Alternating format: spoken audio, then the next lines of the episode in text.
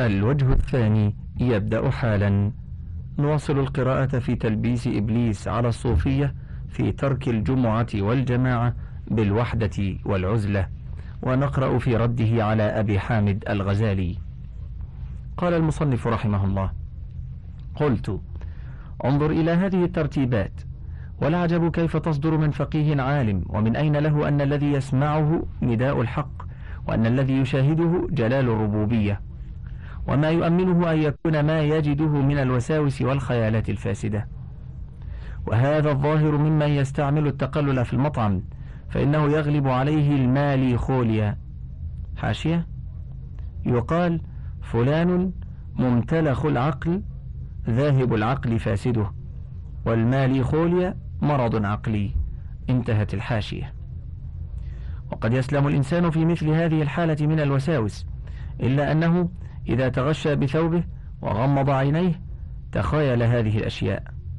لأن في الدماغ ثلاث قوى. قوة يكون بها التخيل وقوة يكون بها الفكرة وقوة يكون بها الذكر. وموضع التخيل البطنان المقدمان من بطون الدماغ. وموضع التفكر البطن الأوسط من بطون الدماغ. وموضع الحفظ الموضع المؤخر. فإن أطرق الإنسان وغمض عينيه جال الفكر والتخيل فيرى خيالات فيظنها ما ذكر من حضرة جلال الربوبية. إلى غير ذلك نعوذ بالله من هذه الوساوس والخيالات الفاسدة. وعن أبي عثمان بن الآدمي قال كان أبو عبيد التستري إذا كان أول يوم من شهر رمضان يدخل البيت ويقول لامرأته طيني باب البيت وألقي إلي كل ليلة من الكوة رغيفا. فإذا كان يوم العيد دخلت فوجدت ثلاثين رغيفا في الزاوية. لا آكل ولا أشرب ولا يتهيأ حتى لصلاة ويبقى على طهر واحد إلى آخر الشهر. قال المصنف رحمه الله هذه الحكاية عندي بعيدة عن الصحة من وجهين. أحدها بقاء الآدمي شهرا لا يحدث بنوم ولا بول ولا غائط ولا ريح. والثاني ترك المسلم صلاة الجمعة والجماعة وهي واجبة لا يحل تركها. فإن صحت هذه الحكاية فما أبقى إبليس لهذا في التلبيس بقية. وسمع أبو الحسن البوشنجي الصوفي غير مرة سمع يعاتب في ترك الجمعة والجماعة والتخلف عنها فيقول إن كانت البركة في الجماعة فإن السلامة في العزلة فصل. وقد جاء النهي عن الانفراد الموجب للبعد عن العلم والجهاد للعدو. فعن أبي أمامة قال خرجنا مع رسول الله صلى الله عليه وسلم في سرية من سراياه. قال فمر رجل بغار فيه شيء من ماء. قال فحدث نفسه بأن يقيم في ذلك الغار فيقوته ما كان فيه.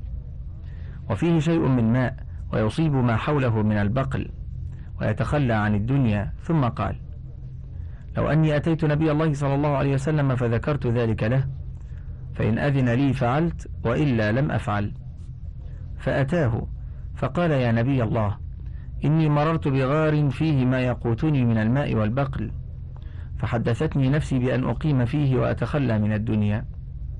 قال فقال نبي الله صلى الله عليه وسلم إني لم أبعث باليهودية ولا بالنصرانية ولكني بعثت بالحنيفية السمحة والذي نفس محمد بيده لغدوة أو روحة في سبيل الله خير من الدنيا وما فيها.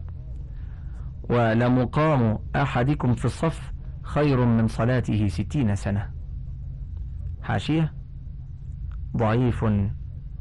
أحمد في المسند الجزء الخامس الصفحة السادسة والستون بعد المئتين.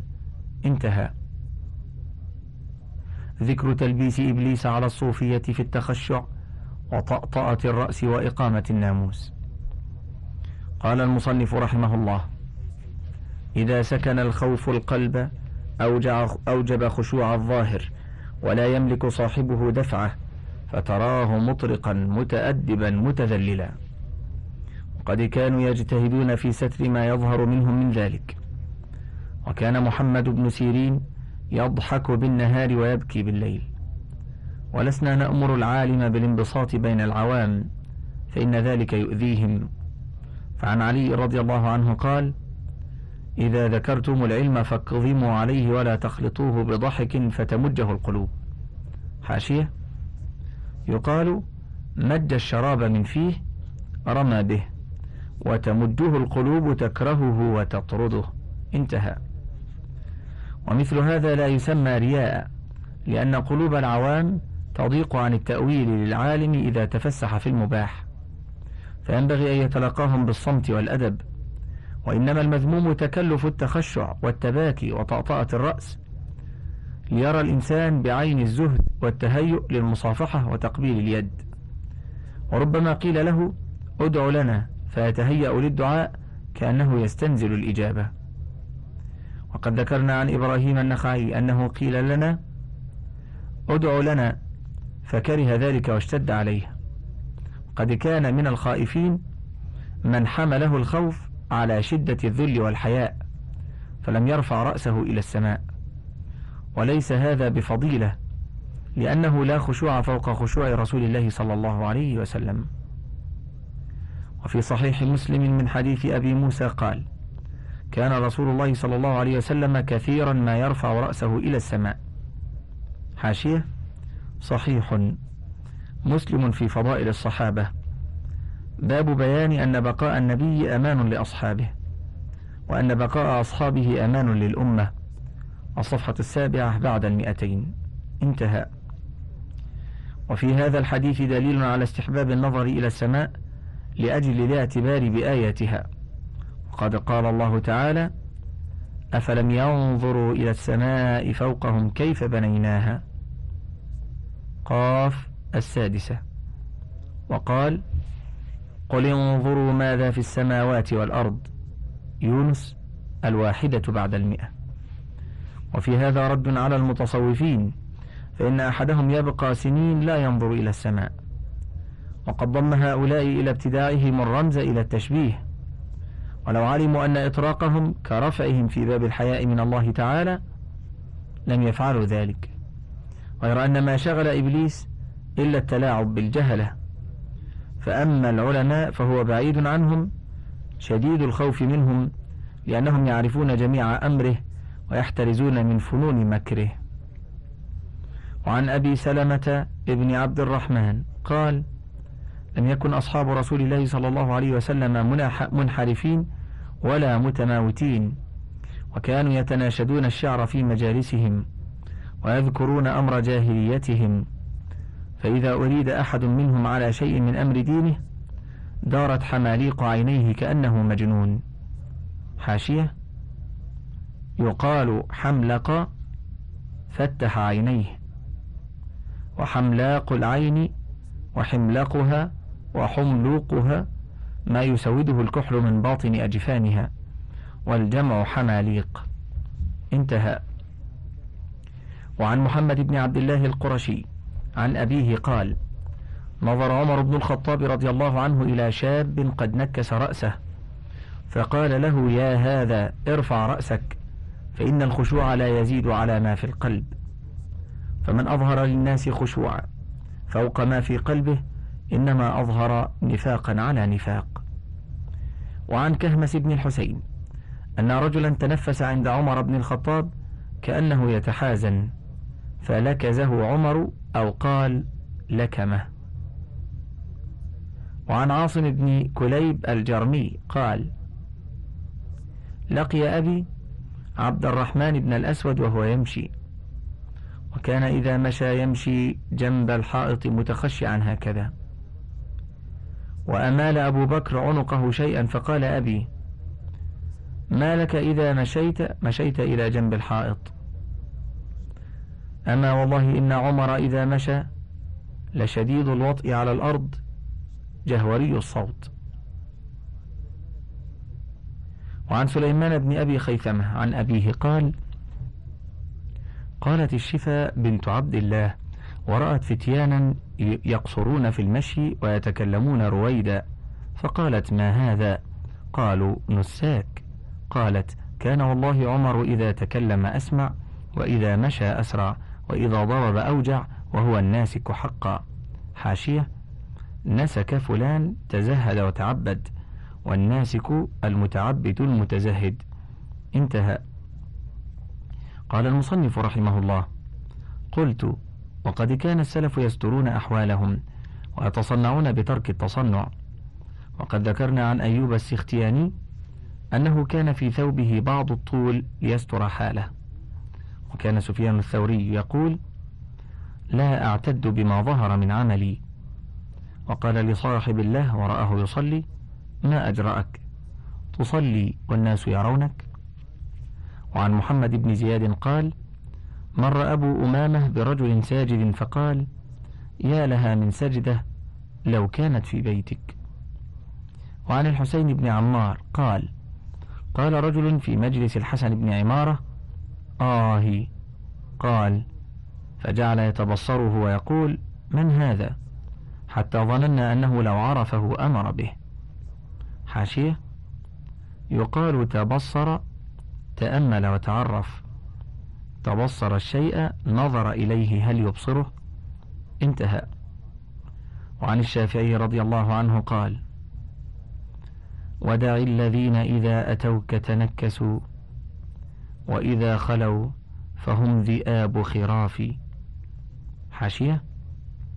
يقول أستاذ محمد إبراهيم سليم في تفسيره لبيت الشافعي ما أكثر المخادعين الذين يخدعون يخادعون الله والذين آمنوا وما يخدعون إلا أنفسهم. فهناك ذئاب بشرية تتظاهر بالطيبة حتى إذا خلوا إلى أنفسهم ظهروا على حقيقتهم وراحوا يأكلون أموال الناس بالباطل وكأنهم ذئاب خرجت من جحورها. وكثيرا ما أتمنى أمثال هؤلاء المتظاهرين بالعفة والتنسك والعبادة. فلما أتيحت لهم الفرصة انقضوا في غير رحمة على الأموال والأعراض. انظر ديوان الإمام الشافعي في الصفحة الثانية بعد المئة تحقيق الأستاذ محمد سليم طبعة مكتبة القرآن. انتهت الحاشية. وعن إبراهيم بن سعيد قال كنت واقفا على رأس المأمون فقال لي يا إبراهيم قلت لبيك قال عشرة من أعمال البر لا يصعد إلى الله منها شيء. قلت ما هي يا أمير المؤمنين؟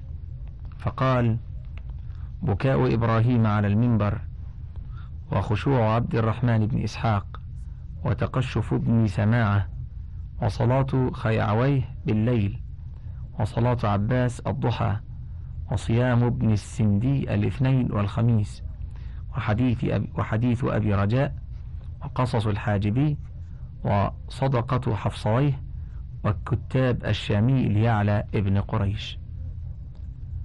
ذكر تلبيس إبليس على الصوفية في ترك النكاح. قال المصنف النكاح مع خوف العنة واجب ومن غير خوف العنة سنة مؤكدة عند جمهور الفقهاء. ومذهب أبي حنيفة وأحمد بن حنبل أنه حينئذ أفضل من جميع النوافل. لأنه سبب سبب في وجود الولد. قال عليه الصلاة والسلام تناكحوا تناسلوا. وقال رسول الله صلى الله عليه وسلم النكاح من سنتي فمن رغب عن سنتي فليس مني. حاشية العنة اكتساب الإثم أو المشقة والمقصود الزنا. حديث تناكحوا تناسلوا ضعيف. السيوطي في الجامع الصغير بلفظ تناكحوا تكثروا فإني أباهي بكم الأمم يوم القيامة. وضعيف الجامع للألباني برقم ثلاثة وثمانين وأربعمائة بعد الألفين. حديث النكاح من سنتي صحيح. ابن ماجة في النكاح باب ما جاء في فضل النكاح برقم ستة وأربعين وثمانمائة بعد الألف. صحيح الجامع للألباني برقم ستة وثمانمائة بعد ستة الآلاف. وانتهى. وعن سعد بن أبي وقاص قال لقد رد رسول الله صلى الله عليه وسلم على عثمان ابن مضعون التبتل ولو أذن له في ذلك لاختصينا. حاشية. صحيح البخاري في النكاح. باب ما يكره من التبتل والخصاء في الجزء التاسع الصفحة التاسعة عشرة.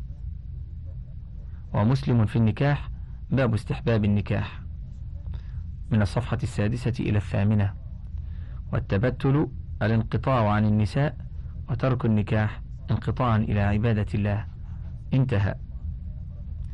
وعن أنس بن مالك أن نفرا من أصحاب رسول الله صلى الله عليه وسلم سألوا أزواج النبي عليه السلام عن عمله في السر فأخبروهم.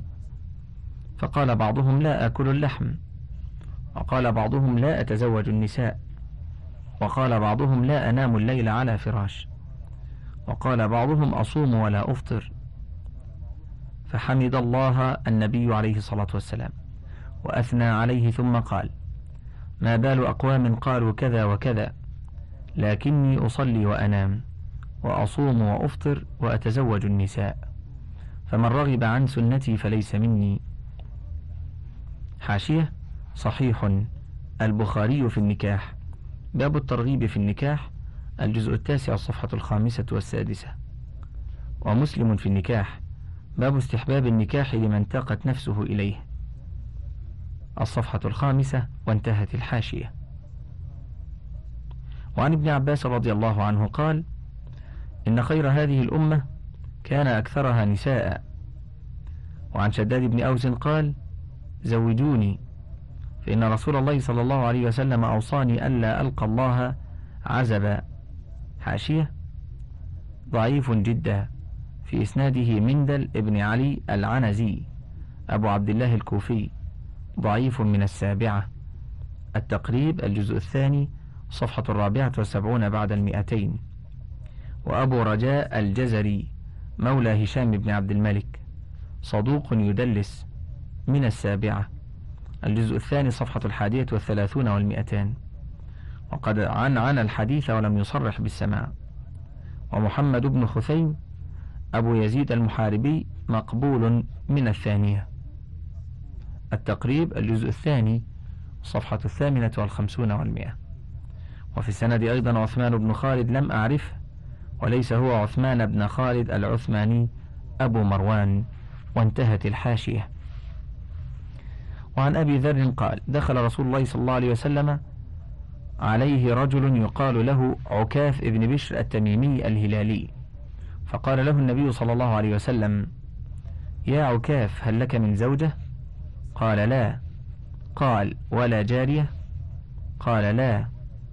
قال وأنت موسر بخير؟ قال وأنا موسر. قال أنت إذا من إخوان الشياطين. لو كنت من النصارى لكنت من رهبانهم. إن سنتنا النكاح. شراركم عزابكم. وأراذل موتاكم عزابكم. أبالشياطين تمرسون ما للشياطين من سلاح أبلغ في الصالحين من ترك النساء. حاشية. ضعيف. أحمد في المسند. الجزء الخامس الصفحة الثالثة والستون والمئة. وضعيف الجامع برقم سبعة وثمانين وثلاثمائة بعد ثلاثة الآلاف. وتمرسون أي تتشبهون بها وتحتكون انتهى. وعن أبي هريرة قال لعن رسول الله صلى الله عليه وسلم مخنث الرجال الذين يتشبهون بالنساء والمترجلات من النساء المتشبهات بالرجال والمتبتلين من الرجال الذين يقولون لا نتزوج. والمتبتلات من النساء اللاتي يقولن ذلك. حاشية ضعيف بهذا التمام. أحمد في المسند. الجزء الثاني صفحة السابعة والثمانون بعد المئتين والتاسعة والثمانون بعد المئتين. والسلسلة الضعيفة للألباني برقم أربعة عشر ومئة بعد الألف. انتهت. وعن أبي عبد الله أحمد بن حنبل قال ليس العزوبة من أمر الإسلام في شيء. النبي عليه الصلاة والسلام تزوج أربع عشرة امرأة ومات عن تسع. ثم قال لو كان بشر بن الحارث تزوج كان قد تم أمره كله. لو ترك الناس النكاح لم يغزوا ولم يحجوا ولم يكن كذا ولم يكن كذا. وقد كان النبي عليه الصلاة والسلام يصبح وما عندهم شيء.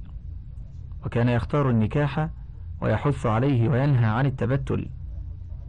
فمن رغب عن فعل النبي صلى الله عليه وسلم فهو على غير الحق.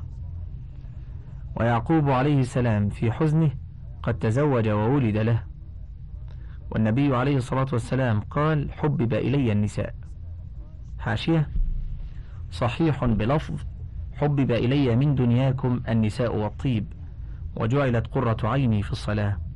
انظر صحيح الجامع للألباني برقم أربعة وعشرين بعد المئة وثلاثة الآلاف. انتهى. قلت فإن إبراهيم بن أدهم يحكى عنه بأنه قال لروعة صاحب عيال فما قدرت أن أتم الحديث حتى صاح بي وقال وقعنا في بنيات الطريق انظر عافاك الله ما كان عليه نبينا محمد صلى الله عليه وسلم وأصحابه. ثم قال لبكاء الصبي بين يدي أبيه يطلب منه خبزا أفضل من كذا وكذا. أن يلحق المتعبد المتعذب المتزوج. فصل. وقد لبس إبليس على كثير من الصوفية فمنعهم من النكاح. فقدماؤهم تركوا ذلك تشاغلا بالتعبد ورأوا النكاح شاغلا عن طاعة الله عز وجل. وهؤلاء وإن كانت بهم حاجة إلى النكاح أو بهم نوع تشوق إليه فقد خاطروا بأبدانهم وأديانهم وإن لم يكن بهم حاجة إليه فاتتهم الفضيلة.